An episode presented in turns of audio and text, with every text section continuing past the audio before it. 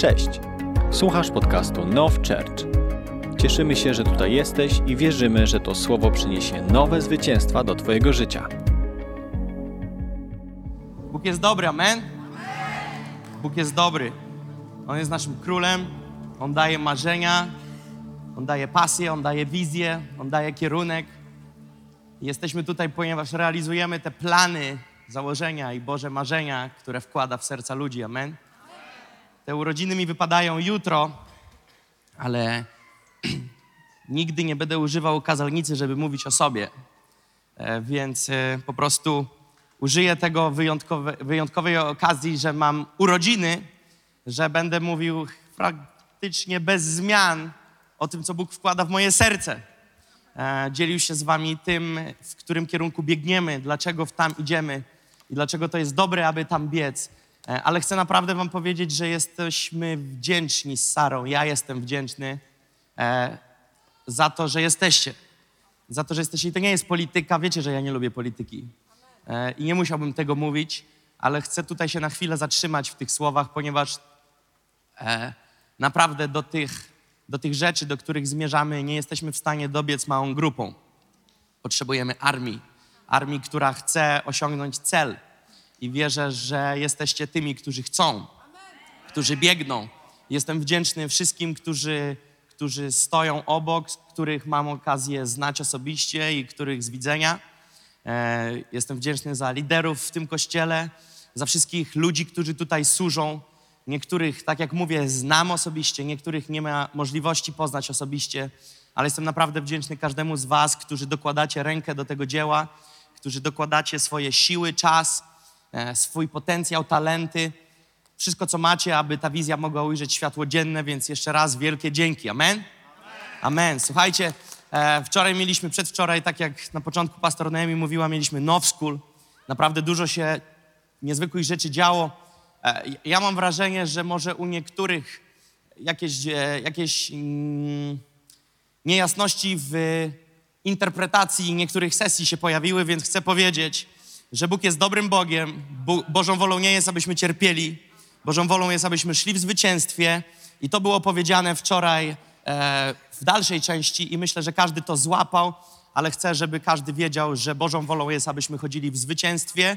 I owszem, jest w naszym życiu okres pustyni, ale Bóg daje nam siłę, moc, namaszczenie do tego, aby przebijać się przez te okoliczności, aby przebijać się przez te trudne rzeczy i nawet te czerwone kropki, które pojawiają się w naszym życiu. Nie znamy odpowiedzi, dlaczego one się pojawiają. Wiemy dobrze, że one nie są wolą Bożą i Bóg daje nam siłę, abyśmy przezwyciężali przez te trudne sezony i trudne okresy życia, więc myślę, że już bardziej prościej się nie da. Amen? Amen. Chwała Bogu. Chwała Bogu. Słuchajcie, e, zaczęliśmy temat, jak wiecie, miesiąc temu na Now School. Mówiłem o Bożej obecności, e, o, o chodzeniu w duchu. I tak naprawdę e, mówiłem to wczoraj, że im bardziej się w ten temat zagłębiamy, tym bardziej nie możemy dopłynąć do portu. Ja przestałem wierzyć, że my dopłyniemy. E, z tego względu chyba wejdziemy, o ile będzie na to przestrzeń, jeżeli będziecie jeszcze przychodzić do kościoła, to będziemy kontynuować ten temat i ja już nie będę mówił, że jeszcze przez dwie sesje, tylko będziemy po prostu płynąć z tym tematem. Więc e, w tą niedzielę dzisiaj chcę ten temat dalej, e, dalej cisnąć do przodu. Za tydzień, jak wiecie, mamy niezwykłe wydarzenie w Gdańsku, w Ergo Arenie. Mamy tam ewangelizację sobotnią. E, To już nie jest to ewangelizacja dla północnej części Polski, to już stała się ewangelizacja ogólnopolska, a nawet wiemy, że przyjadą ludzie z zagranicy, więc e, to będzie coś wielkiego i potężnego, więc chcielibyśmy Was zachęcić wszystkich, że jeżeli możecie tam być, to bądźcie. E, Prawdopodobnie dowiecie się jeszcze w ogłoszeniach, a część z Was już o tym wie, że za tydzień nabożeństwa tutaj na tej sali nie ma, ponieważ po sobotniej ewangelizacji w, gdańskiej, w gdańskiej Ergo Arenie e, mamy następnego dnia o 10 nabożeństwo wspólne e, z kościołami z północy i jako Nations on Fire, jako sztab tych ludzi, którzy tworzą kręgosłup Now Church. Jesteśmy tam mocną ekipą w, w Gdańsku i będziemy przeprowadzać, tak to nazwę, to nabożeństwo. E, więc chcielibyśmy Wam powiedzieć, że nabożeństwa tutaj za tydzień nie będzie, ale w swoich grupach, w których się spotykacie, w grupach now, w grupach domowych, w waszych mikrogrupach, będziecie mieli spotkanie o 10 rano w swoich domach i będziecie mieli transmitowane, będziemy specjalnie dla was transmitować to spotkanie niedzielne z Ergo Areny, żebyście mogli e, być częścią tego spotkania, więc ci z was, którzy nie dojadą na to spotkanie, nie mogą być e, albo z jakichś innych powodów nie są w stanie, to chcemy, żebyście wiedzieli, że to, że nie ma tu spotkania o 10, to, że niedziela jest wolna. E, To tak nie działa. Będziecie mogli się, tak jak mówię, spotkać po swoich domach. Jeżeli nie jesteś jeszcze w e, jakiejś mikrogrupie, nie jesteś w grupach NOW, nie jesteś w grupach domowych, to podejdź do punktu info, powiedz, że nie możesz jechać do Ergo, ale chcesz zostać, chcesz dołączyć do jakiejś grupy, chcesz być częścią e, z rodziną NOW i obejrzeć to spotkanie, będzie czadowo. Jestem z was ekstremalnie dumny. Wiecie dlaczego? Ponieważ, uwaga, na te wydarzenie wiecie, że na każde wydarzenie NOW zbieramy masę wolontariuszy. Wiecie o tym. Na każdą konferencję, która jest potrzeba masy wolontariuszy. I 14 kościołów, my jesteśmy tym 15, który tworzy tą ewangelizację na północy. Z 14 kościołów zostało zebrane mniej wolontariuszy niż z Now Church. Z 14 kościołów razem wziętych jest mniej wolontariuszy niż gotowej armii z Now Church pojechać i służyć. To jest właśnie DNA tego kościoła. Nie jesteśmy tylko słuchaczami, ale jesteśmy armią Pana, która jest gotowa pracować na, na niebie pańskim. Amen? Jestem dumny z was, ekstremalnie, powiem moim językiem, dumny w pył, że jesteście razy 14, dosłownie razy 14, potrafimy zrobić ponad 14 razy więcej, zmobilizować się niż inni. I to jest dla mnie z jednej strony zachęcające, z drugiej strony przygnębiające, ale nie chodzi o to, żeby skupić się na tej przygnębiającej strony, nie, tylko na tej pozytywnej. I wierzę, że to będzie też pewnego rodzaju mobilizacją dla tych 14 kościołów na kolejne wydarzenia, żeby się bardziej zmobilizować. Więc jedziemy tam mocną kapelą, mocną kadrą, będziemy służyć, będziemy działać, będziemy widzieć ludzkie życia zbawione, e, będziemy widzieć ludzi, którzy pokutują. To będzie sobota, 17, a w niedzielę, jak wiecie, spotykamy się o 10. Więc słuchajcie, e, będziemy mówić, e, być może za tydzień nie będę mógł o tym mówić, o czym chcę tą serię dalej kontynuować, ale chciałbym wam powiedzieć, że będziemy mocno mówić na podstawie piątego i szóstego rozdziału przez najbliższe tygodnie. Piąty i szósty rozdział drugiej księgi Samuela. Jeżeli chcecie w domu przestudiować, studiować wciąż te rozdziały, piąty, szósty rozdział drugiej księgi Samuela, to na podstawie tego będziemy działać. Możecie w domu sobie to czytać kilkukrotnie w różnych przekładach, zobaczyć, jak inne przykłady interpretują pewne miejsca, pewne wersety, ponieważ będziemy się na tym opierać. Później, jeżeli ktoś z Was to przeskoczy, może przejść na siódmy rozdział i później może iść w las dalej i dalej, bo tam nie ma, tam nie ma granic. Ale te, te dwa przede wszystkim, siódmy też ekstremalnie ważny i będziemy się wraz z upływem czasu posuwać dalej tej księdze drugiej Samuela. Będziemy się też odnosić do królewskich kronik, ale przede wszystkim to nam będzie wyznaczało kierunek. I wiecie, to jest bardzo ważne, ponieważ będziemy rozmawiać, bo ten wers, te rozdziały mówią o życiu Dawida. Te rozdziały mówią o życiu Dawida, ponieważ bardzo mocno służba Dawida jest przykładem e, dla nas i wzorcem, który my tutaj chcemy naśladować. Może nie tyle, co kopiować Dawida, ale Boże prowadzenie, które było poprzez życie Dawida, jest bardzo mocnym wzorcem dla nas tutaj, w tym miejscu. Ponieważ Dawid, Dawid jest, ma wiele na sobie metek, dlaczego my chcemy podążać tą ścieżką. Albo jeszcze niefortunnie, bo, bo, bo znaczy niefortunnie to zabrzmiało my chcemy. To nie o to chodzi, co my chcemy, tylko chodzi o to, że powołanie jest, które jest bardzo spójne z tym, co Dawid miał do zrobienia. Ponieważ Dawid, gdybyśmy mieli odpowiedzieć, kim był, to nie byłoby łatwo. Ponieważ jeżeli miałbyś zdecydować jednym słowem, to ciężko byłoby się zdecydować, kim był. Ponieważ pierwsze, co przychodzi nam na myśl, to byśmy powiedzieli, Dawid był królem. Pytanie, czy na pewno to było jego głównym tytułem, poprzez który można być rozpoznanym. Oczywiście, w oczach ludzkiej struktury i wartości, no jesteś królem, wygrałeś. Możesz być dodatkowo świetnym kucharzem, sportowcem yy, i tak dalej, i tak dalej. Jeżeli masz tytuł króla, no to metka króla jest największa i świeci najbardziej. Ale czytając Biblię, nie do końca e, bym powiedział, że określenie Dawida tylko i wyłącznie królem Izraela byłoby właściwym. ponieważ Dawid był także potężnym chwalcą, co dla Boga nie jest obojętne, ba, jest bardzo ważnym elementem. Dawid był chwalcą. Wiecie, w Izraelu było 42 króli. Więc z 42 tylko jeden dostaje metkę człowiek według Bożego serca. Więc tego faceta coś wyróżniało względem tych innych, tych pozostałych 41. 42 króli, ale tylko jeden słyszy człowiek według Bożego serca. Teraz poszerzę nam horyzont. Nie tylko wśród 42 jeden otrzymał metkę człowieka według Bożego serca, ale na kartach całego Pisma Świętego nikt inny, żaden człowiek nie dostał metki człowieka według Bożego serca. Wiele fajnych, pozytywnych słów było o wielu mężach Bożych, którzy byli znani z różnych rzeczy. Ale to Dawid słyszy od Boga, że Ty jesteś człowiekiem według Bożego serca. I widzimy, że życie Dawida i jego okres panowania, jego okres służby ma potężny wpływ nie tylko za jego życia, ale w kolejnych pokoleniach. Bóg, mam wrażenie, wskoczył na nowy poziom relacji z Dawidem niż z innymi ludźmi w tamtym okresie. Dawid miał inny poziom, wyższy poziom. Można by było rzec, to już będzie troszeczkę kontrowersyjne i nie chcę w tą stronę iść, ale bliższy jakiś dostęp, ponieważ Bóg widział jego serce. I teraz chcę odnieść się, co mam na myśli, mówiąc, że tak jakby miał bliżej. Ponieważ w Nowym Testamencie znacie i wiecie, o czym mówił Jezus, i mówiłem o tym na szkole, że Jezus powiedział do swoich uczniów: Nie jesteście już tylko moimi sługami, ponieważ cudzy nie wiedzą, co czyni ich Pan, ale od teraz nazywam was moimi, nazwałem was moimi przyjaciółmi.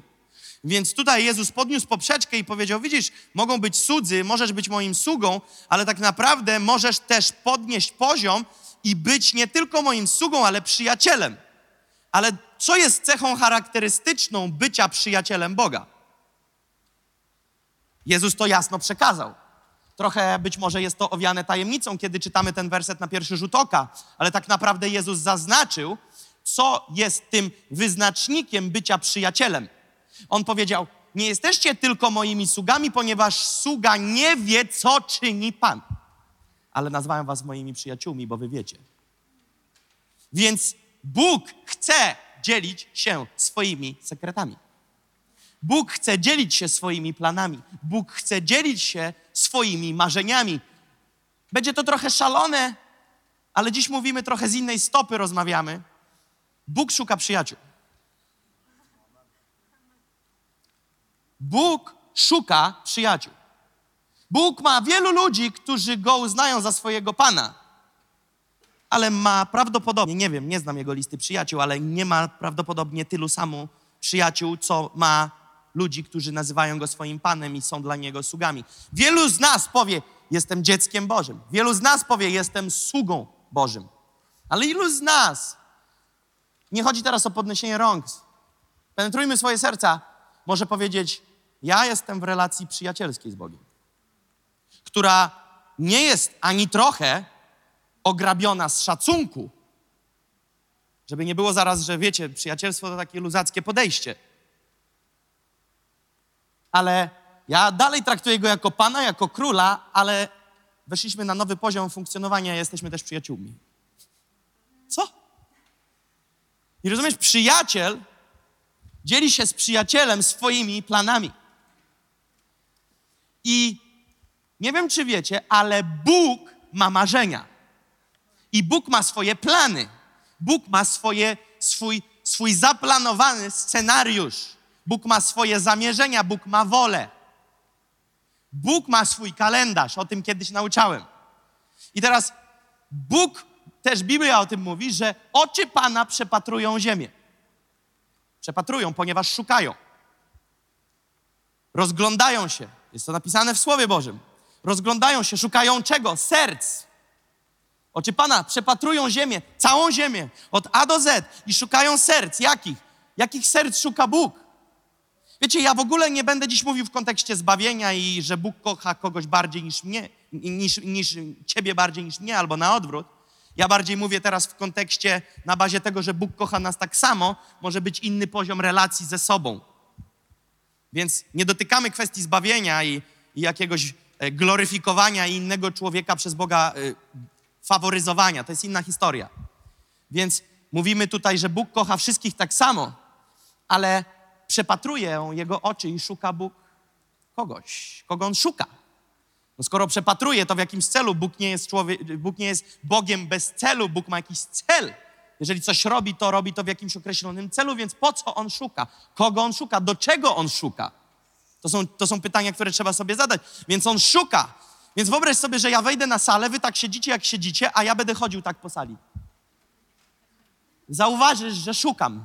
Zaczynam chodzić. Wyobraź sobie, mam nadzieję, że nie będzie sprzężeć. Wyobraź sobie, że ja tak chodzę teraz.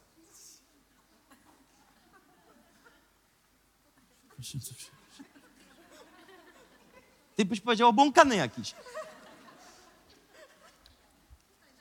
Okej. Widzicie, że i, i ktoś, ktoś przyjdzie i o, jest, jest Piotr. I przyjdziesz i powiesz, czego szukasz? No, no, szukam konkretnego człowieka. Szukam. Szukam konkretnego człowieka. Szukam.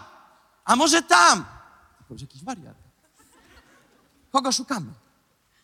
I zapytał, widzę, że czegoś szukasz, widzę, że kogoś wypatrujesz. Kogo chcesz znaleźć? No szukam konkretnej osoby. Ale jaka to jest osoba? No, musi mieć pewną charakterystykę serca. Musi mieć pewną charakterystykę, musi. Ja patrzę, ale to po, po czym patrzę, obserwujesz? Ubiór, ubiór będzie znakiem rozpoznawczym, sposób siedzenia, wielkość Słowa Bożego na kolanach, wielkość Biblii, ilość obecności w kościele. Nie, nie, nie, to nie to.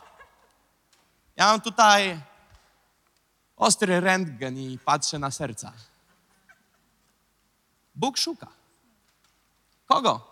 Komuś, komu może powierzyć pewne zadanie. Bóg szuka ludzi, którym może powierzyć zadanie. I Bóg miał jasno określoną misję, którą chciał, aby została zrealizowana. Ponieważ Dawid realizował Bożą misję. Więc teraz, jaka to była misja? Tą misją było tam wiele pojedynczych rzeczy, które moglibyśmy rozłożyć na czynniki pierwsze. Ale tą misją kluczową, którą miał Dawid, o, kluczową i znowu nie wymienię jednej, ale tą misją, którą miał Dawid, to jest sprowadzenie skrzyni przymierza, Arki Bożej do Jerozolimy. Ponieważ to było bardzo ważną stacją przed kolejnym sezonem, który miał nadejść. To było przygotowywanie. Dawid odegrał bardzo mocną, kluczową rolę, ale jak dobrze to postudiujesz, na Dawidzie się nie kończy. Dawid odegrał kluczową rolę, ale to nie on wybudował świątynię. To było w jego sercu. On napierał na ten cel. Ale to nie on wybudował świątynię. On sprowadził arkę, ale świątynię budował Salomon. I Bóg powiedział do Dawida: Nie ty będziesz budował. Dlaczego? Ponieważ przelało się za dużo krwi za Twojego życia. Za dużo byłeś w innej misji, która była istotna i była ode mnie, i dopchałeś ten wózek do pewnego miejsca, ale dalszą część misji wykona Twój syn. Więc co tu widzimy? Bóg działa pokoleniowo. Bóg nie ma wąskiego myślenia. Bóg myśli szeroko. Bóg myśli ponad nasze życie, ponad okres naszego życia na ziemi. I On ma swój plan. I wiecie, to nie jest tak, że my zrywamy się dzisiaj, nasze pokolenie, my tu siedzący z łańcucha i, i to, co robili 50 lat temu, to jest w ogóle oderwane od pługa i my jesteśmy tutaj, restart był, wiecie. Nie, nie było potopu. Nie było potopu. My jesteśmy w jakiejś kolejności. Jest, jest, jaka, jest jakaś kolejność, domino się sypie. Teraz jest czas na ten nasz puzzle. Nasz puzzle. My nie jesteśmy oderwani od całości. Więc chciałem to zaznaczyć, ponieważ w kontekście życia Dawida jest to bardzo kluczowe. I kiedy Dawid został namaszczony na króla, dobrze wiecie, że minutę później nie objął tronu. Normalnie fajnie ordynacja wygląda, kiedy na scenę by zaprowadzili Dawida, Sa Samuel by na spokojnie olej wylał, cały Izrael biłby brawo, no i wtedy zostało usiąść na tronie i założyć koronę na głowie. Taka ordynacja to palce lizać. Tylko Dawid nie miał takiego przywileju. Dawid miał taki przywilej, że na dzień dobry namaszczenie wiązało się z wyrokiem śmierci. Wiesz dlaczego? Ponieważ nie ordynujesz na nowego króla w czasie, kiedy wcześniejszy dalej sprawuje urząd. Więc na dzień dobry Dawid jest namaszczony na króla pod obecność aktualnego króla i to nie jest, że Dawid zasiada na tronie, akcja się zaczyna. I akcja się zaczyna taka, że jest bardzo trudny ciąg wydarzeń i mija wiele lat, zanim Dawid siada na tronie. Ale zanim siada, jego życie jest pełne turbulencji i tak naprawdę walką o życie, ponieważ Saul, aktualny król, wydaje wyrok i powołuje armię narodową. Nie detektywa Rutkowskiego tamtych czasów, tylko armię pod mieczem. Więc oni nie jechali z nim pogadać. Oni nastawali ciągle na jego życie. I chcę wam powiedzieć, że Izrael to nie ma 700 kilometrów z północy na południe i 700 z zachodu na wschód. Kiedy byłem w Izraelu z moją rodziną, nie mogłem uwierzyć, że na całym Baku to można kilka razy ten Izrael przejechać. To jest bardzo małe państwo. Więc na tym małym terenie, na tym małym terenie, niewielu kilometrów, kiedy my myślimy o państwach, myślimy ludzie z takiego Gdańska do Krakowa, albo z Legnicy do Lublina. Ojej, jak daleko, ten Dawid miał gdzie się schować. Nie! Tam wszystko było w cudzysłowie na wyciągnięcie ręki. Więc na małym terenie głowa państwa z armią pod mieczem mówi: kasujemy gościa, ponieważ nastaje na mój tron. Dobrze wiemy, jak to się skończyło. Saul, mając cały naród po swojej stronie, ponieważ ma władzę, autorytet, może rządzić, przegrywa z jednym chłopakiem. Wiesz dlaczego? Ponieważ Bóg był z Dawidem. Cały naród może się tobie sprzeciwić. W tym twój szef w pracy. Jeżeli Bóg jest z tobą, ten szef w pracy nic nie przeforsuje. Możesz myśleć, tyle kłód pod nogi jest rzucone. Dawid to miał kłody. I teraz, słuchajcie, piąty rozdział drugiej księgi Samuela. Dawid obejmuje tron. Oficjalnie. Saul zginął i w piątym rozdziale drugiej księgi Samuela Dawid obejmuje tron. To jest bardzo kluczowe, ponieważ teraz niespodzianka. Uwaga. Będziecie zdziwieni, ci, którzy nie wiecie, ile lat ma Dawid w momencie, kiedy obejmuje tron. 30. Dawid obejmuje tron nad narodem i wszyscy starsi Izraela przychodzą obwołać go królem nad całym Izraelem w wieku 30 lat. Więc teraz zrozum, kiedy naród nastawał na życie Dawida, to Dawid nie był dorosłym facetem, 40-paroletnim z bagażem doświadczeń i kolegami, którzy za niego walczyli, Tylko Dawid był młodym chłopakiem, który miał dwadzieścia parę lat. Są tu jacyś dwudziestoparolatkowie? Okej?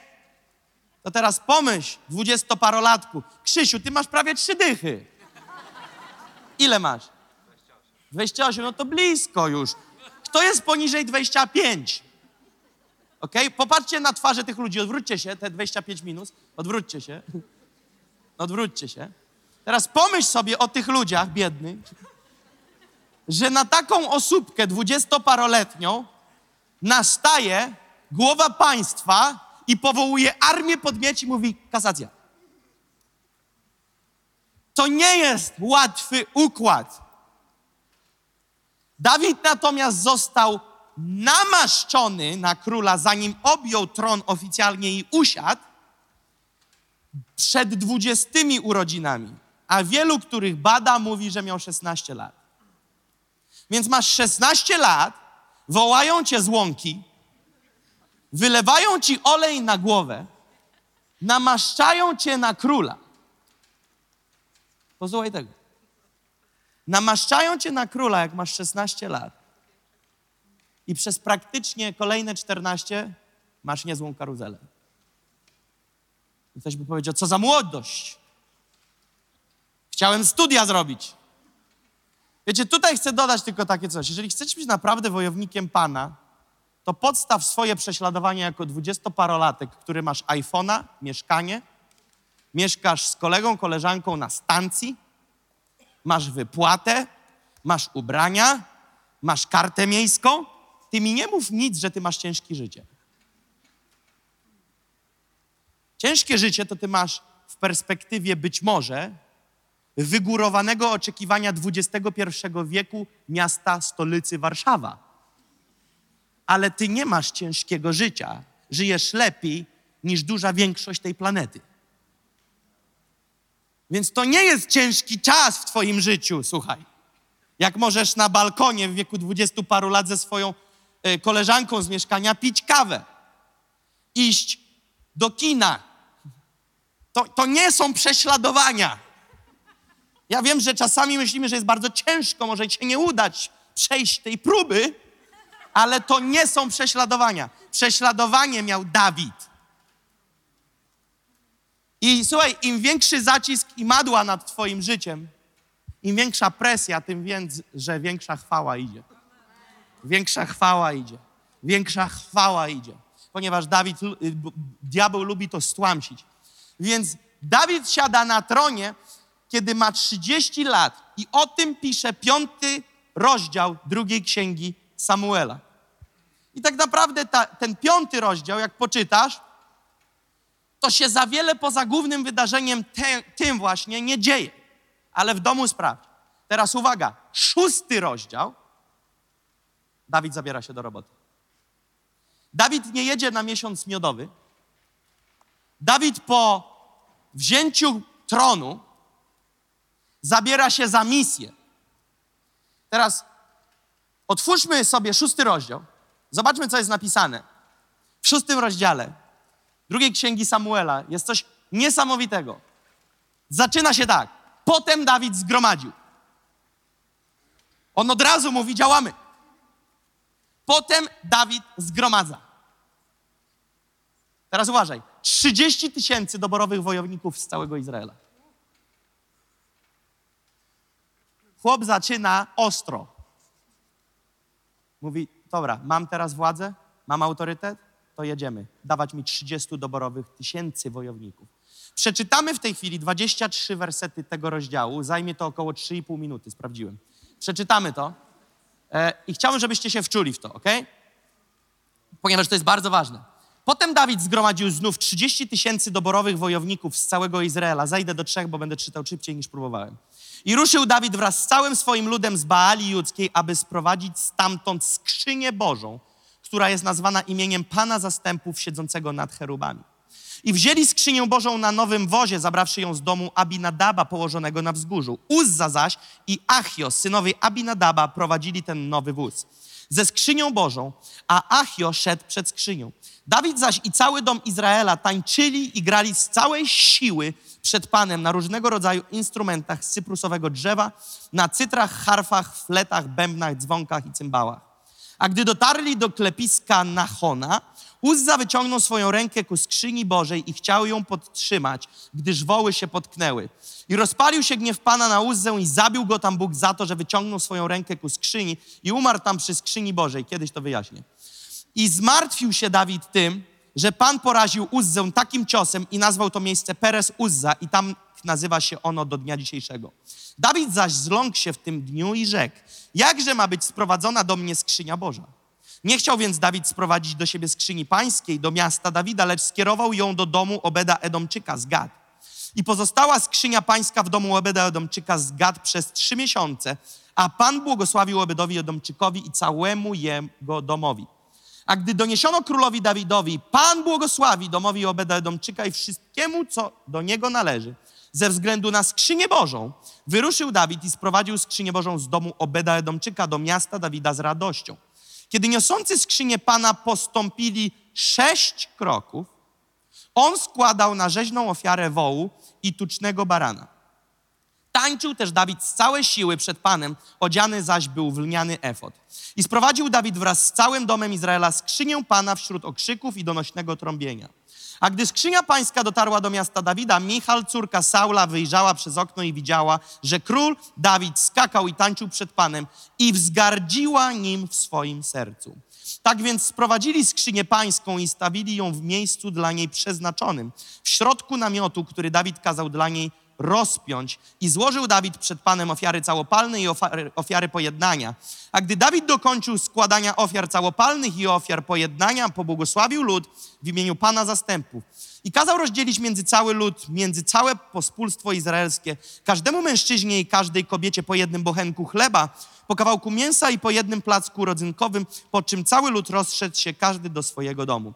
Gdy Dawid powrócił do domu, aby pobłogosławić swój dom, wyszła na spotkanie Michal, córka Saula, czyli jego żona, i rzekła: Jakże wspaniale zachował się dziś król izraelski, który obnażył się dzisiaj na oczach niewolnic swoich wojowników, jak obnaża się chyba tylko jakiś lekkoduch. Zaorała go mocno. A Dawid rzekł do Michal: To przed Panem tańczyłem, przed Panem, który wybrał mnie raczej mnie niż Twojego ojca i niż cały jego dom, aby ustanowić mnie księciem nad ludem pańskim. A choćbym jeszcze bardziej się poniżył niż tym razem i stał się w Twoich oczach godnym pogardy, to jednak u tych niewolnic, o których mówiłaś, będę poważny. A Michal, córka Saula, nie miała dzieci aż do dnia swojej śmierci. Bum. Okej. Okay. Bardzo szybkie streszczenie tego, co przeczytaliśmy. To jest bardzo ważne. Tak jak mówiłem, będziemy do tego wracać tygodniami, ale dzisiaj robimy tylko wprowadzenie do kolejnych tygodni. Dawid się zrywa, szósty rozdział. Nie bójcie się, nie będę was męczył do nocy. Dawid się zrywa. Pierwsze co robi? Widzisz, on kiedy zasiadł na tron, on nie myśli sobie, okej, okay, to teraz to wszystko poukładajmy, zbudujmy struktury, pomyślmy, jak to poukładać, przypomnijmy sobie wizję, zregenerujmy siły, dajmy ludziom odpocząć, pojedźmy na taki honeymoon na Dominikanę. Nie. Szósty rozdział zaczyna się tak. Wtedy Dawid.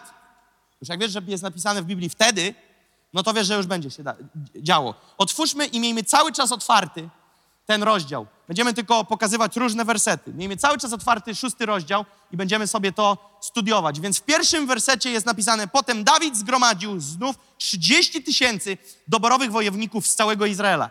Jeżeli zbierasz, pomyślcie, musimy nie myśleć tak za bardzo y, głęboko, tylko otworzyć wyobraźnię, żeby sobie się tam przenieść i to wyobrazić.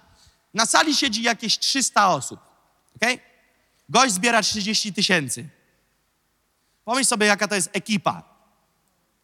Na This is Our Time było 2000. Więc on zbiera 15 razy więcej niż na This is Our Time. Jeżeli zbierasz 30 tysięcy ludzi, no to musisz mieć jakiś turbo gigaplan. Ale teraz uwaga, ten plan, musisz sobie zadać pytanie, co on wymyśla? Chyba idzie na wojnę, ponieważ bierze armię. Bierze 30 tysięcy wojowników. I teraz uważaj, Armia Izraela była znacznie liczniejsza niż 30 tysięcy. On wybiera 30 doborowych. On bierze top. Mówi: Dawaj mi komandosów, dawaj mi wszystkich najlepszych, jakich macie. Jak myślisz, do kogo on to mówił? Do Joaba. Joaba też sobie przestudiujemy, bo to jest też niezły agent. Do Joaba, generała nad swoimi wojskami, mówi tak: Daj mi 30 tysięcy najlepszych. Joab mówi: Okej, myślałem, że jest spokój. Nikt nie nadciąga, nasz wywiad nic nie przekazuje. Nie, nie, tu jest inna akcja. Nie będziemy nikogo łupać mieczem, sprawa jest inna. Sprowadzamy Arkę Przymierza. Myślę, że Joab był tym, który nie zadawał pytań. I nie żartuję teraz. Wiecie, my za dużo razy zadajemy pytania. A po co, Boże, chcesz, żebyśmy przyszli o 22 na modlitwie, skoro jutro jest nabożeństwo o 11? Czy nie możemy się pomodlić wszyscy w domu sami? Czy musimy to wszystko rozumieć? Nie, nie musimy niczego rozumieć, musimy być posłuszni. Posłuszeństwo przyniesie owoc. Nie musisz wszystkiego rozumieć, nie zajarzysz wszystkiego. Więc wierzę, że Joab był tym, który nie kwestionował decyzji Dawida i mówi: OK, zbieram ci 30 tysięcy. Zebrał najlepszych 30. Pomyślcie tych 30 tysięcy, teraz pomyślcie o nich. Mówią: Przecież królestwo jest ustanowione. Ustabilizowało się. Nie idziemy na wojnę. Mógłby powiedzieć: Po co nas podrywa? Rozumiesz? Pomyśl, że jesteś tym jednym z tych 30 tysięcy. Co znowu ktoś by mógł powiedzieć? Ale nie czytamy o tym w Biblii, co znowu. Nie czytamy tych pytań. Widzimy tutaj zadaniowość i posłuszeństwo względem Bożego prowadzenia. Teraz uwaga. Skąd wiem, że jest to Boże prowadzenie? Ponieważ zobaczcie, co jest napisane w drugim wersecie. I ruszył Dawid wraz całym swoim ludem do Baali Judzkiej. Pomyśl, jaki to był konwój. Wyobraź to sobie.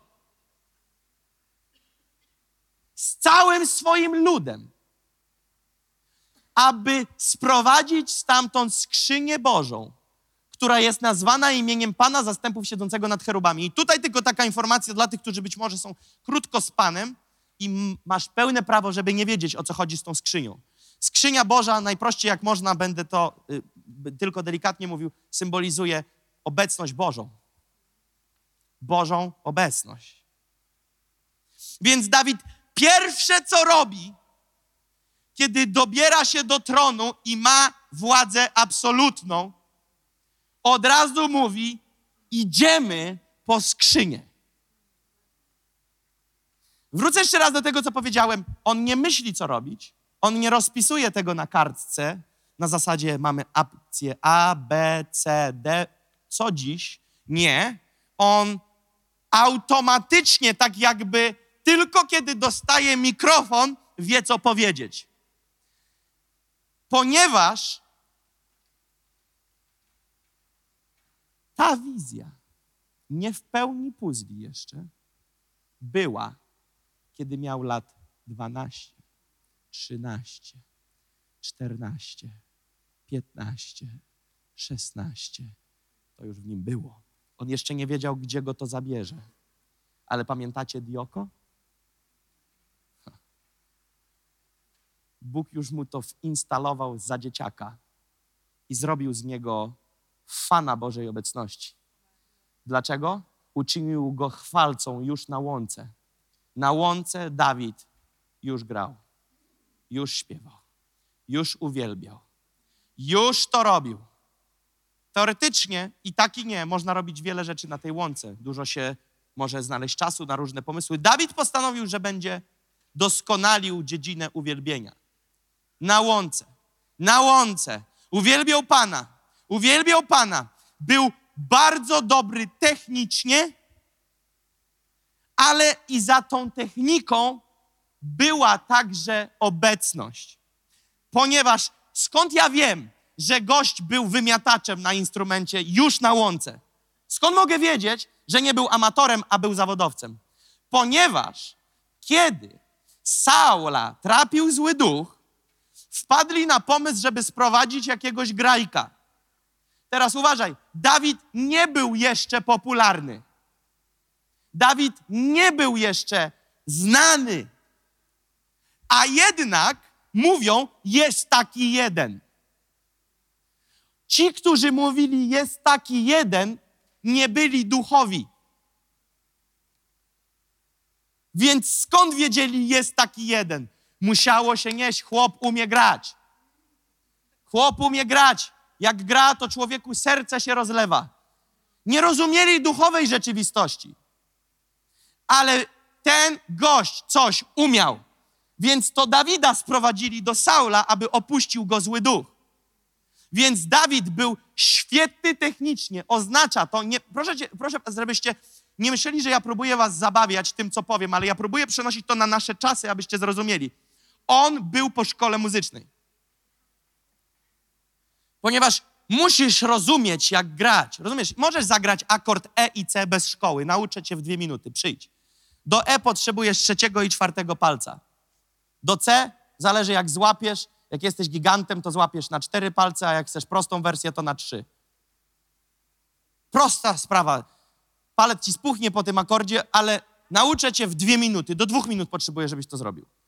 Ale on nie chodził na EC. On umiał, więc to już jest pierwsza charakterystyka Dawida. Kiedyś otworzyłem sobie taką notatkę i ją uzupełniam. Od chyba kilku lat. Co wiem o Dawidzie? Dopisuję wszystkie wnioski, które mam o chłopie. Co wiem? Więc był świetny technicznie. Umiał grać. I teraz Dawid za młodego jest chwalcą Pana. On już umie za młodego doświadczać Bożej obecności. On rozumie Bożą obecność, mimo że to jest stare przymierze, to jest kosmos. On to rozumie. I teraz uwaga, 14 lat. Jazda od 16 do 30. Ciągle po kostkach, ciągle po kostkach. Ale to marzenie nie umiera. O uwielbieniu Pana. W nim to, w nim to siedzi. Mimo ciężkich okoliczności, marzenie się rozwija. Marzenie potęguje. Marzenie przybiera w rozmiarach. Skąd wiem? Ponieważ kiedy obejmuje tron, nie prosi o harfę, ale mówi: dawać mi 30 tysięcy. Wiesz, co on myślę? Przez te 14 lat, on się przez 14 lat sycił tą wizją. 14 lat musiał chodzić i to rozkminiać, że kiedy obejmie tron, zrobi taką jazdę w narodzie, jakiej jeszcze nie było i prawdopodobnie nie będzie. I kiedy bierze tron, mówi: dawać mi 30 tysięcy, sprowadzamy arkę. Dlaczego? Ponieważ arka jest symbolem Bożej obecności. Więc pierwszy i drugi rozdział, książkę już by można było o tym napisać, pierwszy i drugi werset, ponieważ napisałem sobie, nadaje temu wymiar narodowy. Armia 30 tysięcy doborowych nie idzie po cichu. Nie idą po cichu. Druga rzecz, którą sobie napisałem, jest to szczególny dzień. Trzeci wniosek na podstawie tych dwóch wersetów jest taki: nie oszczędza na kosztach i zasobach. Myślisz, że wycieczka 30 koła ludzi jest za darmo? Więc on nie oszczędza na zasobach, nie oszczędza na kosztach. Mówi, wyładujemy z budżetu na tą inicjatywę, ponieważ ta inicjatywa jest tego godna. Co on robi? On podnosi to ekstremalnie. On musiał w to zaangażować skarb państwa, tak czy nie? Tak. Musiał zaangażować skarb państwa, musiał zaangażować siłę wojska, musiał zaangażować starszych Izraela. Ten gość robi coś narodowego. On tworzy poruszenie. On tworzy ruch. Gość zaczyna w szóstym rozdziale movement. I mówi: Zaczynamy od podstawowej sprawy. Sprowadzamy obecność. Obecność będzie znakiem rozpoznawczym tego ruchu. I idą. I poczytajmy, co jest dalej. W kolejnych wersetach. Wzięli, niosą. I teraz piąty werset. Dawid tańczy i gra z całym Izraelem, z całej siły. To znaczy, że nie da się już mocniej, nie da się już bardziej. Co to oznacza? Niesamowitą fiestę niesamowitą celebrację, niesamowite szczęście, niesamowita radość. Teraz poczekaj. 30 tysięcy to mieli być tylko wojownicy. To znaczy, że ich idzie więcej, ponieważ tu ktoś gra. Więc powołał służbę uwielbienia. Grono rośnie. Widzicie to? Ktoś musiał zapytać z liderów uwielbienia, co gramy. Więc wi- spróbujcie to złapać. Więc Dawid musiał powiedzieć, jest ekstremalna inicjatywa. Będzie wojsko, skarb państwa zaangażowany. Ej, uwielbienie. Uwielbienie prawdopodobnie nie każdy bił na swój rytm, nie każdy bił co chciał, ponieważ Dawid by do tego nie dopuścił, ponieważ był świetny technicznie. Więc tam musiał być przygotowany repertuar. Więc Dawid już nie jest tylko królem, nie jest tylko świetnym muzykiem, nie jest tylko świetnym chwalcą, jest już świetnym mózgiem organizacji. Halleluja. On już nie jest tylko królem, on już nie jest tylko chwalcą, on jest już mózgiem operacji, on ma poukładane, wie jak zarządzać. To nie jest tylko pionek, który umie zrobić jeden z działów, spina projekt. Pomyśl o tym. Gość spina całość. Ma wielu kumatych ludzi pod sobą. Mówi, wizja jest taka, taka, taka, taka, taka, taka. Tu Joab, tu Lewici, tutaj narodowi, tutaj ci. Jedziemy. I ściągają. Więc Dawid celebruje. Wow! Izrael ciśnie na całego. I nagle skrzynia przymierza z nowego wozu się obsuwa. I Uza, najbliżej skrzyni, ma dobrą intencję i chce złapać i podtrzymać, żeby nie spadła. Umiera. Powiedziałem, że kiedyś to wyjaśnię. To, jest, to nie jest nic strasznego, to jest cudowne, jak powiążemy to z Nowym Przymierzem i zrozumiemy, co się dzieje. Ale zostawmy tutaj ten negatywny na chwilę element. Od, obiecuję wam, że do tego wrócimy. I wtedy Dawid patrzy, Uzza pada trupem i nagle celebra się kończy. I Dawid w trasie, w trasie mówi, jak mogę sprowadzić skrzynię do mojego domu, jak chłop, który się tego dotknął, leży trupem. I nagle wszystko się zmienia. Pomyśl, jakie, jak, jaka, jakie brak, no w ogóle nie wiesz, co zrobić. Pomyśl, że jesteś tym jednym z tych dziesiątek tysięcy. Stoisz i coś się stało? Ta, tam z frontu chłop leży. Spróbujcie to sobie wyobrazić. Ale jak to leży trup? No leży chłop trupem, wy, wy, wynoszą gościa. A podobno król Dawid zmienia plan i nie chce wieść tego do domu, bo mówi, że jak chłop padł trupem, to jakim cudem on będzie na siebie wyrok ściągał. I wpada na pomysł. Tam mieszka Obed Edomczyk. Niesiemy to do Obeda. Zostawimy u niego. Gdzieś trzeba. No nie zostawią po drodze. Wyobraźcie to sobie. Różne są szkoły, które mówią o wielkości tej skrzyni. Jedna mówi, że była dwa na dwa, a druga szkoła popularna mówi, że było to metr dziesięć, metr i 10 centymetrów na 70 centymetrów i 70 centymetrów wysokości. I mówię, no nie no nie zostawimy tego w drodze. Tam jest Obetedomczyk, niesiemy do gościa. I zostawiają skrzynię u Obededomczyka i Dawid wraca do domu. I czytamy, bo wersety lecą bardzo szybko. Zobaczmy, co jest dalej.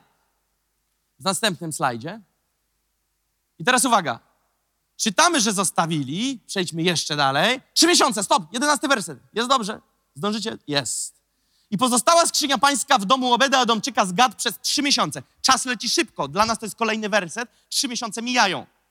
Teraz pomyśl, co się dzieje z Dawidem i co się dzieje w jego głowie przez trzy miesiące. Ponieważ kiedy tylko dorwał tron, zrywa się do misji, która drzemie w jego sercu od lat. I kiedy wszystko idzie jak najlepiej, po drodze, kiedy są już praktycznie na końcu misji, jego marzenie się spełnia, muszą rezygnować. Czy myślisz, że Dawid, kiedy odstawił skrzynię do Obeda Edomczyka, zapomniał? Coś, o czym marzysz lat 14, nie znika ci z twojej głowy w dwie minuty. Te marzenie jeszcze bardziej gorwało. Skąd wiem? Zaraz wam powiem. To wezbrało na sile. To się nie utrzymywało na tym samym poziomie, to urosło w nim. Rozsadzało go od środka. I przez te trzy miesiące myślał jak. Nie czy, ale jak sprowadzić. Powiedział sobie, nie ma opcji, żebym poddał się z marzeniem. Choćby padali ludzie trupem, doniosę Bożą obecność. Co to symbolizuje? Poświęcenie. Nie pozwolę, aby Boża obecność nie zamieszkała pomiędzy nami. Więc trzy miesiące. Trzy miesiące i Dawid dostaje sygnał. U Obeda Adomczyka, chłopie, wszystko kwitnie. Chłop zaraz będzie bogatszy od ciebie, Dawid, jak jeszcze trochę skrzynia poleży.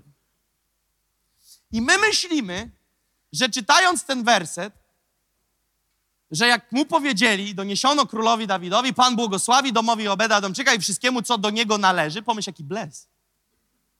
Ze względu na skrzynię Bożą wyruszył Dawid i sprowadził skrzynię Bożą z, z domu Obeda Adomczyka do miasta Dawida z radością.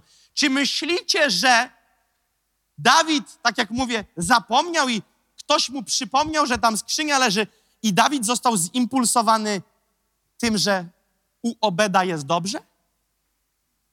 Dawid siedzi jak beczka z prochem przez trzy miesiące. A kiedy gość mu donosi o skrzyni, to jest jak iskra, która spada na Dawida. To jest jak iskra, która spada, to jest jak ląd, który został podpalony beczki z prochem. Dawid mówi, idziemy. Idziemy. Prędzej czy później tak bym ruszył, idziemy. To jest impuls, nie dam rady siedzieć. I idą. Z czym? Z radością. Co to świadczy? Wizja jest świeża. Marzenie jest żywe. Marzenie jest silne. To ciągle w nim jest. Pracuje. Więc on podrywa się i idzie. I teraz trzynasty werset jest wynikiem trzech miesięcy rozkminy Dawida, jak to przynieść. Ponieważ tylko się to zmienia w tym przyniesieniu. Kiedy niosący skrzynię Pana postąpili sześć kroków, on składał rzeźną ofiarę wołu i tucznego barana. Co to znaczy? Oznacza to, że co sześć kroków składali ofiarę. Raz, dwa, trzy, cztery, pięć, sześć. Kolejna. Podwójna. Raz, dwa, trzy, cztery, pięć, sześć. Jeszcze raz. Czy myślisz, że na ten pomysł wpadli składający ofiarę? Oni się za głowę złapali, jak usłyszeli patent Dawida. A urośnie nam podziw dla tej misji, jak zrozumiemy, gdzie był dom Obeda Edomczyka, a gdzie było miasto Dawida. I tutaj jest kilka szkół. I ta szkoła waha się pomiędzy, w linii prostej idziesz po prostu jak idzie i nic nie mijasz, 5 kilometrów. Nowoczesnymi drogami 20,1 kilometra. Więc postanowiłem, że przyjmiemy miarę 10 kilometrów. Żeby nie wyolbrzymić, to nie jest nawet połowa tego, co mówią. Zejdźmy trochę poniżej, żeby celowo nie przerosnąć, nie przesadzić i pokazać, że nawet jeśli jest to poniżej połowy tego, co można wywnioskować, patrzcie teraz, 10 kilometrów to jest 10 tysięcy metrów. Jeżeli przyjmiemy, że jeden krok to jeden metr, a mogło być poniżej, ponieważ po piachu się nie idzie, jak myślisz, ale przyjmijmy, że jeden krok to jeden metr, to goście musieli zrobić 10 tysięcy kroków.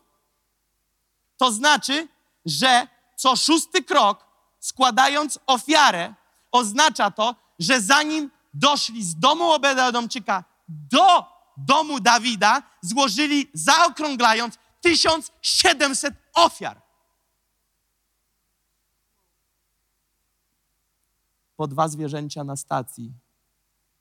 3400.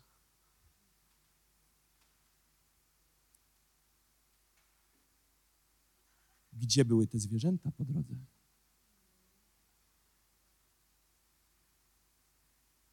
Więc Dawid siedzi trzy miesiące i rozkminia strategię.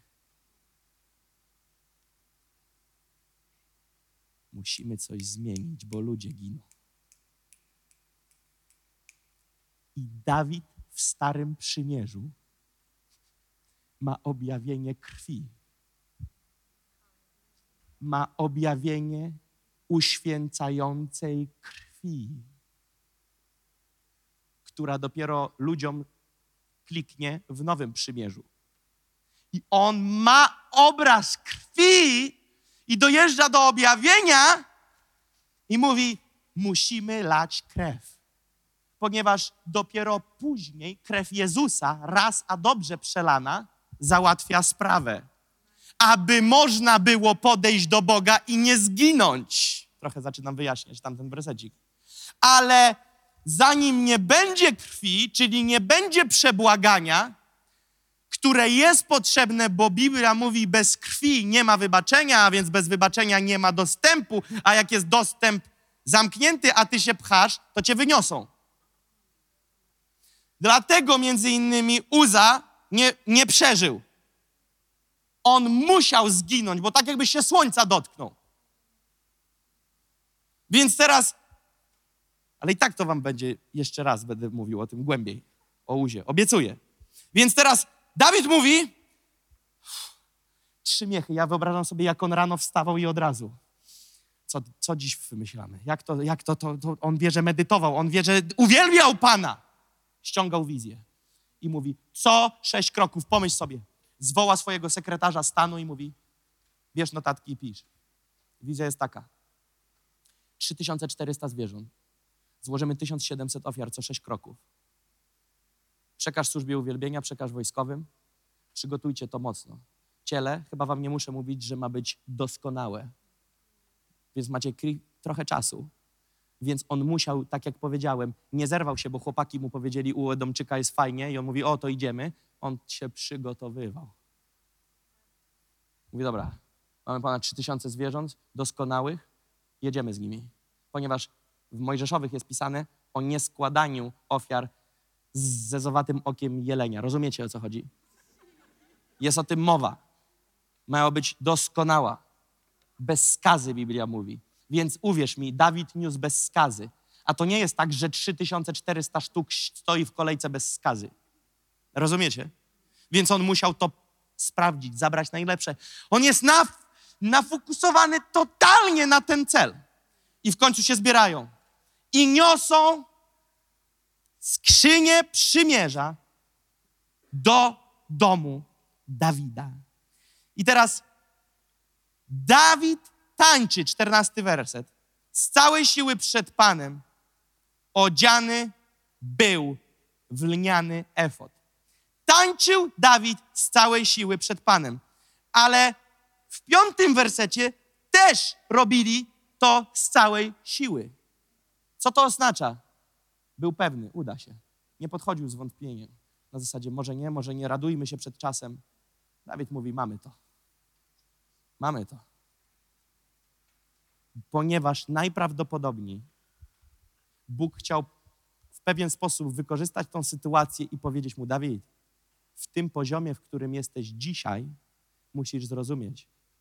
Nie wystarczy, że rozumiesz, co zrobić, musisz wiedzieć też, jak to zrobić. Dzisiaj my modlimy się, żeby Bóg nam powiedział, co zrobić, ale kiedy chodzisz bliżej z Bogiem, Bóg nie mówi ci tylko co, ale jak. tak jak Noe. Noe dostał projekt arki. Ile desek, jakie, czym mazać. Wszystko dostał. Bóg mu nie powiedział klej arkę, Bóg powiedział klej arkę i zrobisz to tak.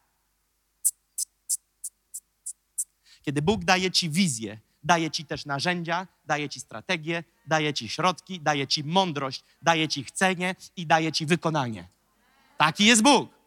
Więc teraz Dawid w 14 wersecie tańczy, sprowadza i tutaj pojawia się Michał, żona. Moje pytanie jest, czemu ona nie była z Dawidem? Czemu ona wychodzi naprzeciw? To symbolizuje bardzo słabą sprawę. Pomyślcie o tym. Jeden naród, jeden dom, jedna rodzina. Jedni robią, a drudzy patrzą. I teraz niespodzianka jest zawsze ta sama. Ci, którzy patrzą, nie rozumieją tych, którzy robią. Ale to nie koniec. Oni muszą wyjść jako oponenci i ich jeszcze docisnąć, bo mu mało, bo Dawidowi mało stresu. Dawidowi mało stresu. Gość ma zżarty umysł od tej misji.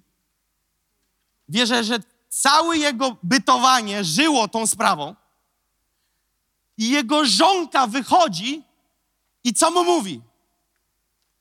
To, żeś zrobił z siebie wariata. Wiesz dlaczego? Ponieważ Dawid jest napisane tańczył na przepasce. Oznacza to, że prezydent narodu ściągnął garniak, ściągnął krawat, ściągnął pantofle, ściągnął spodnie i na jednej przepasce przed całym narodem i głowami państwa tańczył prawie na golasa. Pomyśl, ile ludzi w dzisiejszych czasach by go totalnie skreśliło. O, jak on się może tak dziwnie zachowywać podczas tej Bożej obecności, jak on się może tak dziwnie poruszać, jak on może w ogóle się tak dziwnie tutaj bujać, w ogóle co to jest, co to jest, co to jest. Jakiś nienormalny ludzi. Ale Dawid mówi do Michała, "Hm, ja nie przed ludźmi. Ja przed Bogiem. I wiesz co on mu, wiesz co on jej przekazuje, kiedy mówi o ojcu? Uff, jak to złapiemy, jest knockout. On nie wjeżdża jej na ojca. To nie tak. On mówi, wiesz co między wierszami? Ponieważ posłuchajcie zarzutu. Michal mówi, ty pajacujesz przed ludźmi nie umiesz utrzymać fasonu, tańczysz na golasa i jest kicha. A wiesz co Dawid mu jej odpowiada? Za to twój ojciec był tak poprawny politycznie, że stracił tron.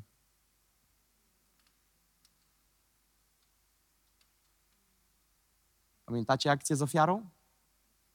Miał nie składać, złożył, Bóg go odrzucił, a on i tak mówi: Wyjdź i mnie uznaj przed narodem.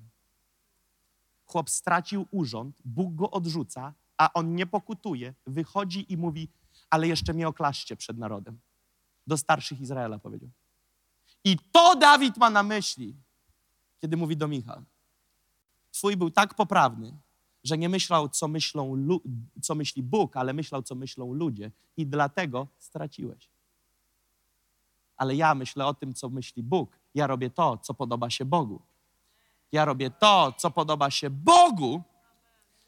I dlatego Bóg wybrał mnie, a odstawił Twojego ojczulka. Ale Michal nie umiała odłączyć się od DNA ojca.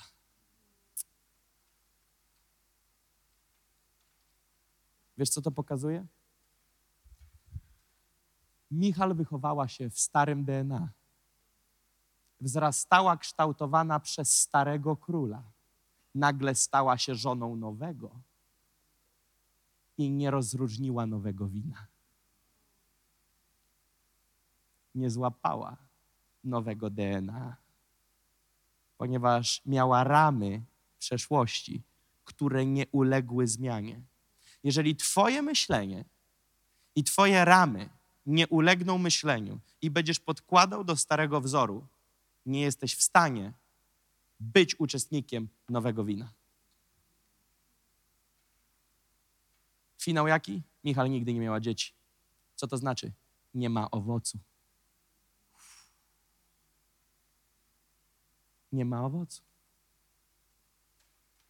Kiedy nie rozpoznasz Bożego poruszenia, musisz być oponentem. Było to na Now School miesiąc temu? Było.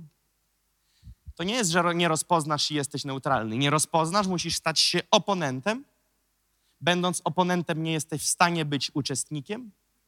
Nie będąc uczestnikiem Bożego prowadzenia, jesteś bezowocny. Do końca. Do końca. Ale Dawid nie próbuje przypodobać się Michal, nie próbuje zaskrobić sobie u swojej żonki i mówi jej tak. Ale tam przynajmniej niektórzy zrozumieli. I dzisiaj to się dzieje na całym świecie. Bóg leje nowe wino. Bóg leje nowe poruszenie.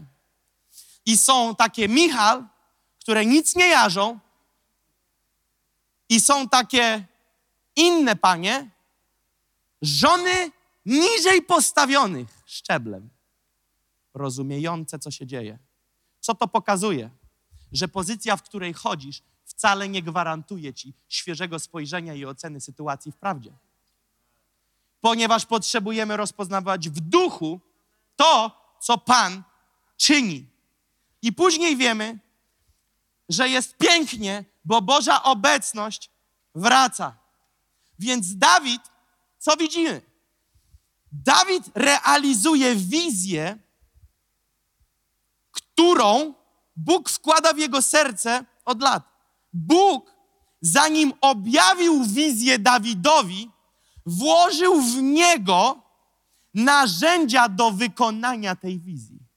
Kiedy Dawid jeszcze nie wiedział, do jakiej wizji jest powołany, będąc dzieckiem.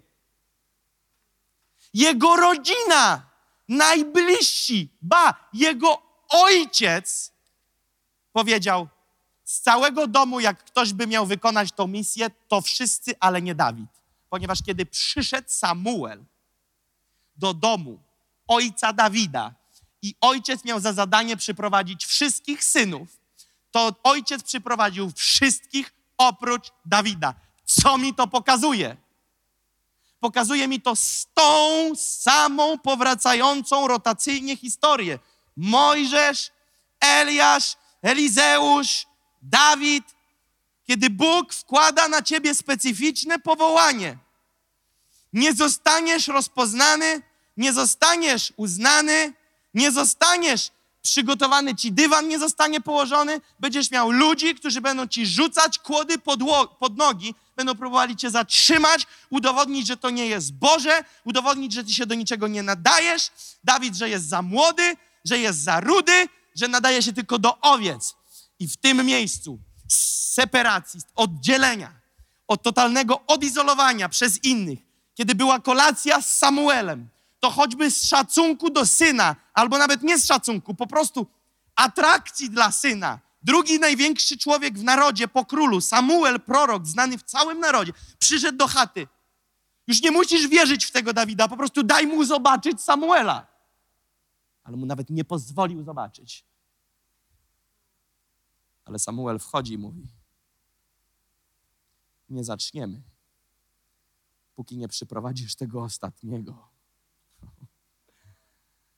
Kiedy Dawidek wchodzi, Samuel od razu wie: To ten. To ten. Wylał olej.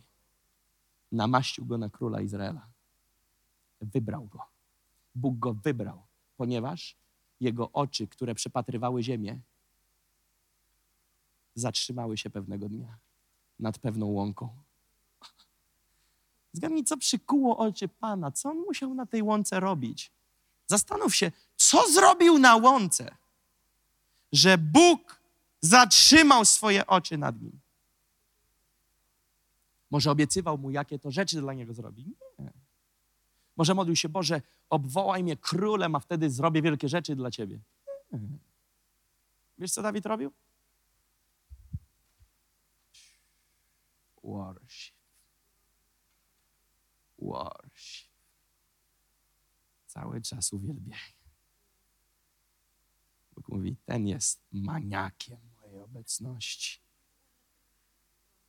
Wkłada w niego narzędzia, kształtuje go, przy, przygotowuje. I lata później wsadza go na tron.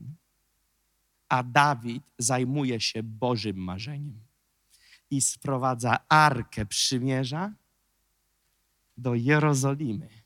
Umiejscawia ją w przygotowanym do tego miejscu. I teraz jestem, skończyłem praktycznie i chcę powiedzieć tylko, rzucić nam horyzont na kolejne tygodnie. Dawid mógł pomyśleć, wykonałem robotę, misja zrealizowana. Ale nagle to, co było metą Dawida, sufitem Dawida, stało się miejscem startu Salomona.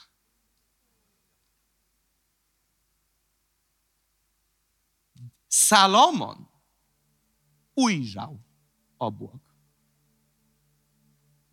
To Salomon podniósł rękę na inaugurację i powiedział: Czy zamieszka Bóg pomiędzy nami?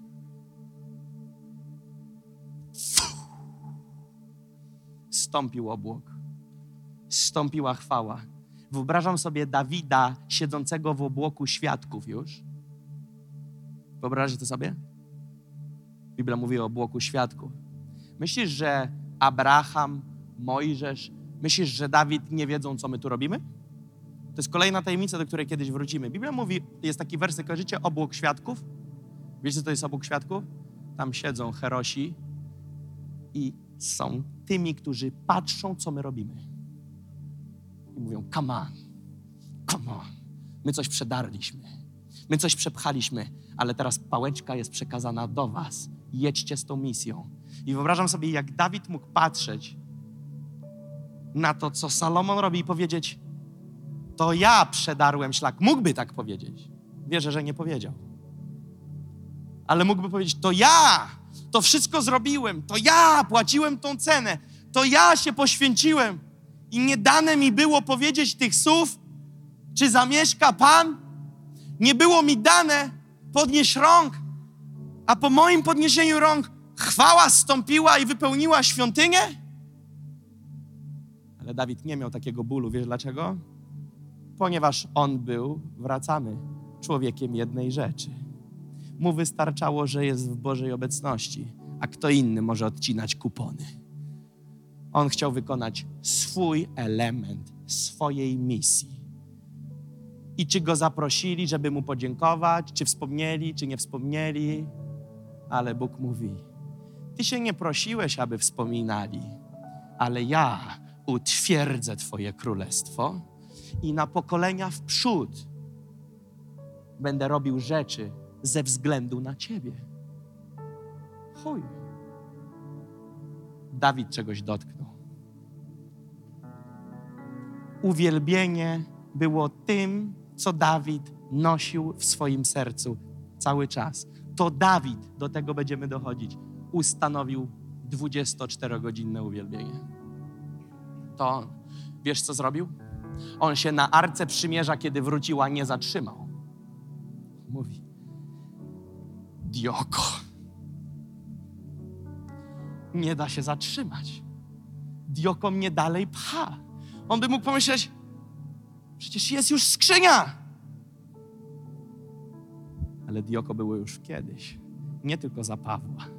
Kiedy mówię Dioko, wspominałem i mówiłem, czym jest Dioko. Jeżeli chcecie wiedzieć, czym jest Dioko, to na YouTubie jest perspektywa nieba. Żyj perspektywą nieba, wtedy zrozumiesz, czym jest Dioko. Dioko go rwało od środka w duchu. I on mówi: Lewici, pokolenie chwalców, 24 godziny, cztery ponad tysiące ludzi. On był człowiekiem potężnej wizji. Więc co zaczął budować? Co podniósł? Narodowy ruch uwielbienia i modlitwy. Narodowy ruch uwielbienia i modlitwy, który dotykał tysięcy, który miał wpływ na tysiące, który był znany w narodzie, bo takie było zamierzenie Boga i Bóg to błogosławił. I wierzę, że znając serce tego miejsca i znając moje serce, wiecie, że nie zabrzmi to pysznie, że my mamy powołanie, aby to miejsce było miejscem uwielbienia i modlitwy. Uwielbienia i modlitwy. Od zawsze powtarzałem, nie budujemy standardowego, lokalnego kościółka. Budujemy tu miejsce chwały.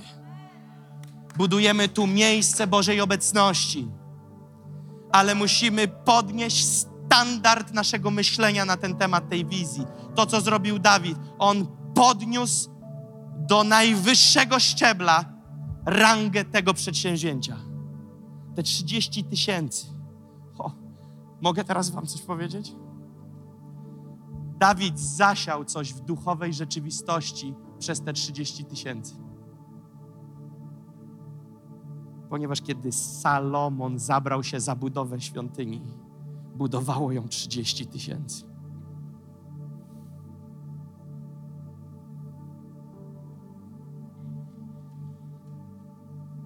Siedem lat. 30 tysięcy ludzi poświęciło 7 lat życia.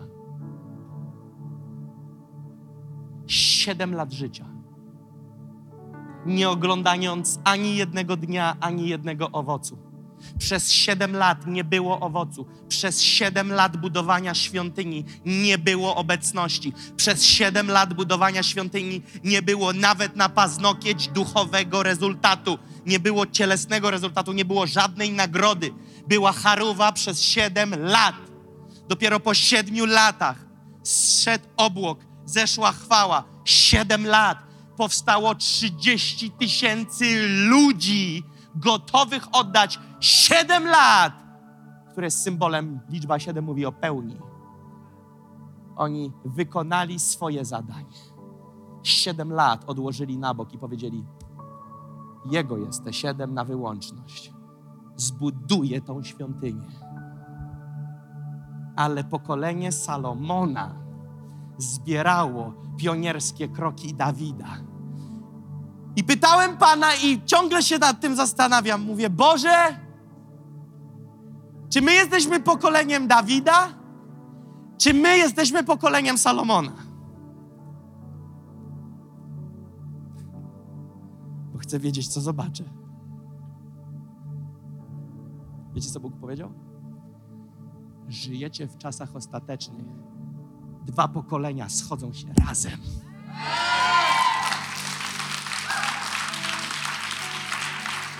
Wiesz, co to oznacza? Podwójny wymiar pracy. My chcemy zobaczyć podwójny owoc, ale Bóg chce zobaczyć podwójną gotowość. Kiedy złączymy DNA pokolenia Dawida i pokolenia Salomona, chcę powiedzieć, jeżeli nie zmienisz DNA w głowie, nie odnajdziesz się w tym miejscu, ponieważ łączymy dwa łączymy te dwa. Łączymy Dawidowe z Salomonowym. Przetniemy szlak i zobaczymy chwałę. Nie będziemy tylko łupać na pusto w ścianę z wiarą, że po nas zobaczą. Mam tą obietnicę. Zobaczymy. Zobaczymy. Zobaczymy. Będziemy widzieć. Będziemy widzieć. Będziemy widzieć. Będziemy to widzieć. I nieważne, ile ludzi mi powie, mówicie, że zobaczycie, gadacie, że będzie, ale nie ma. Mówię, zamknij się, bo będzie, będzie, będzie, bo widzę, że idzie większa chwała. Będzie. I takie momenty jak dziś podczas uwielbienia są preludium, są zapowiedzią są zwiastowaniem kolejnych. Możesz mi przyprowadzić 10 tysięcy ludzi i dla tych 10 tysięcy ludzi dać mikrofon, a mnie podstawić pod głośnikiem. I 10 tysięcy ludzi może krzyczeć do głośnika, który będzie bił w moje ucho, że to się nie uda. Po 10 tysiącach, jak wykrzyczą, wezmę mikrofon i powiem: Nie ma takiej opcji, żeby się nie udało. Nie ma takiej opcji, żeby się to nie wydarzyło. Więc kościele, wstajmy.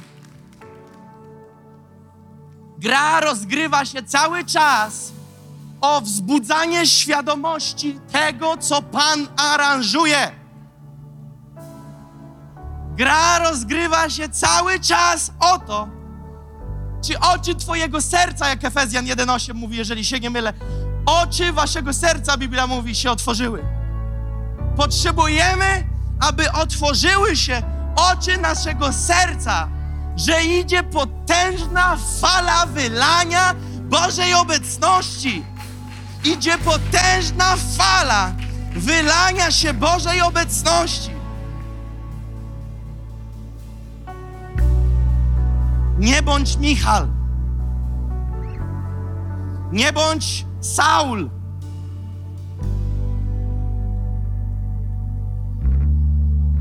Bóg coś czyni. Bóg czyni nową rzecz. Tak sobie myślę z miłością o Was.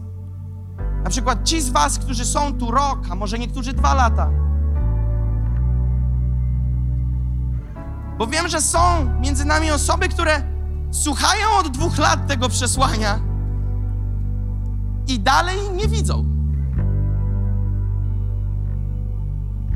Musisz zadać sobie pytanie: ci zwariowali, czy ja zwariowałem? Ponieważ ja zamierzam za to umrzeć. Ja zamierzam za to umrzeć. I Dawid napisał coś w psalmach o tym, co przeżywał w swoim sercu, kiedy się za tą wizję zabrał. Psalm 132, cztery wersety, drugi, trzeci, czwarty i piąty. Psalm 132, werset 2 do 5 mówi tak. On, czyli Dawid, przysiągł Panu, ślubował mocarzowi Jakuba. Nie wejdę do mieszkania domu mego, nie wstąpię na posłanie łoża mego, nie użyczę snu oczom moim, ani powiekiem moim drzemania, póki nie znajdę miejsca dla Pana, mieszkania dla mocarza Jakubowego. Wiesz, co on powiedział? Nie zatrzymam się, dopóki tego nie zobaczę. I może Twoje oczy, powieki dzisiaj są zmęczone, może wszystko w Tobie krzyczy, chcę iść do łoża, chcę się trochę położyć, chcę trochę odpocząć. Dawid powiedział: Nie mogę sobie na to pozwolić, i Bóg go o to nie poprosił, to on sam powiedział: Ślubuję ci. Ślubuję ci dzisiaj, zaprzysięgam się, że się nie zatrzymam i nie spocznę i nie zorganizuję sobie żadnej emerytury, dopóki nie wykonam planu, który powierzyłeś do mojego serca. Czy jesteś dzisiaj w takim DNA Psalmu 132? Czy jesteś dzisiaj w miejscu, w którym powiesz: Nie spocznę, dopóki tego nie zobaczę? Pan dziś szuka 30 tysięcy. Pan dziś szuka i nie chodzi o liczbę, chodzi o ten styl grupy. Tych 30 tysięcy ludzi.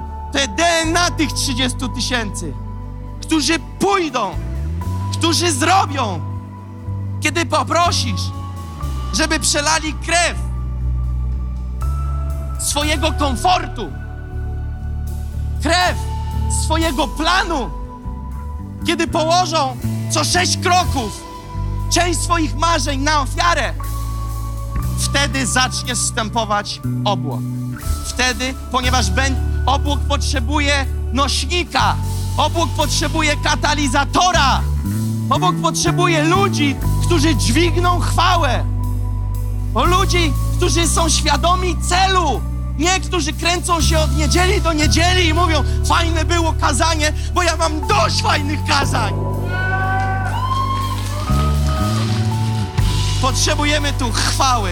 Potrzebujemy obłoku Bożej obecności, większej chwały, większej chwały, większej chwały, większej chwały, większego wymiaru obecności, większego wymiaru ducha.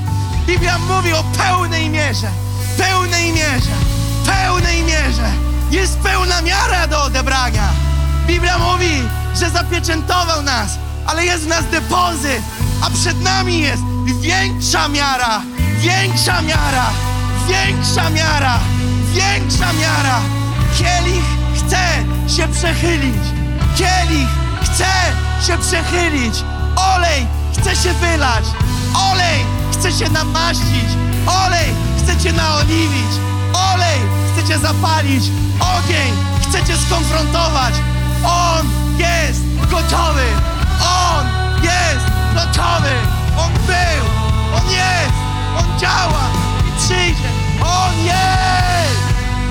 Halleluja!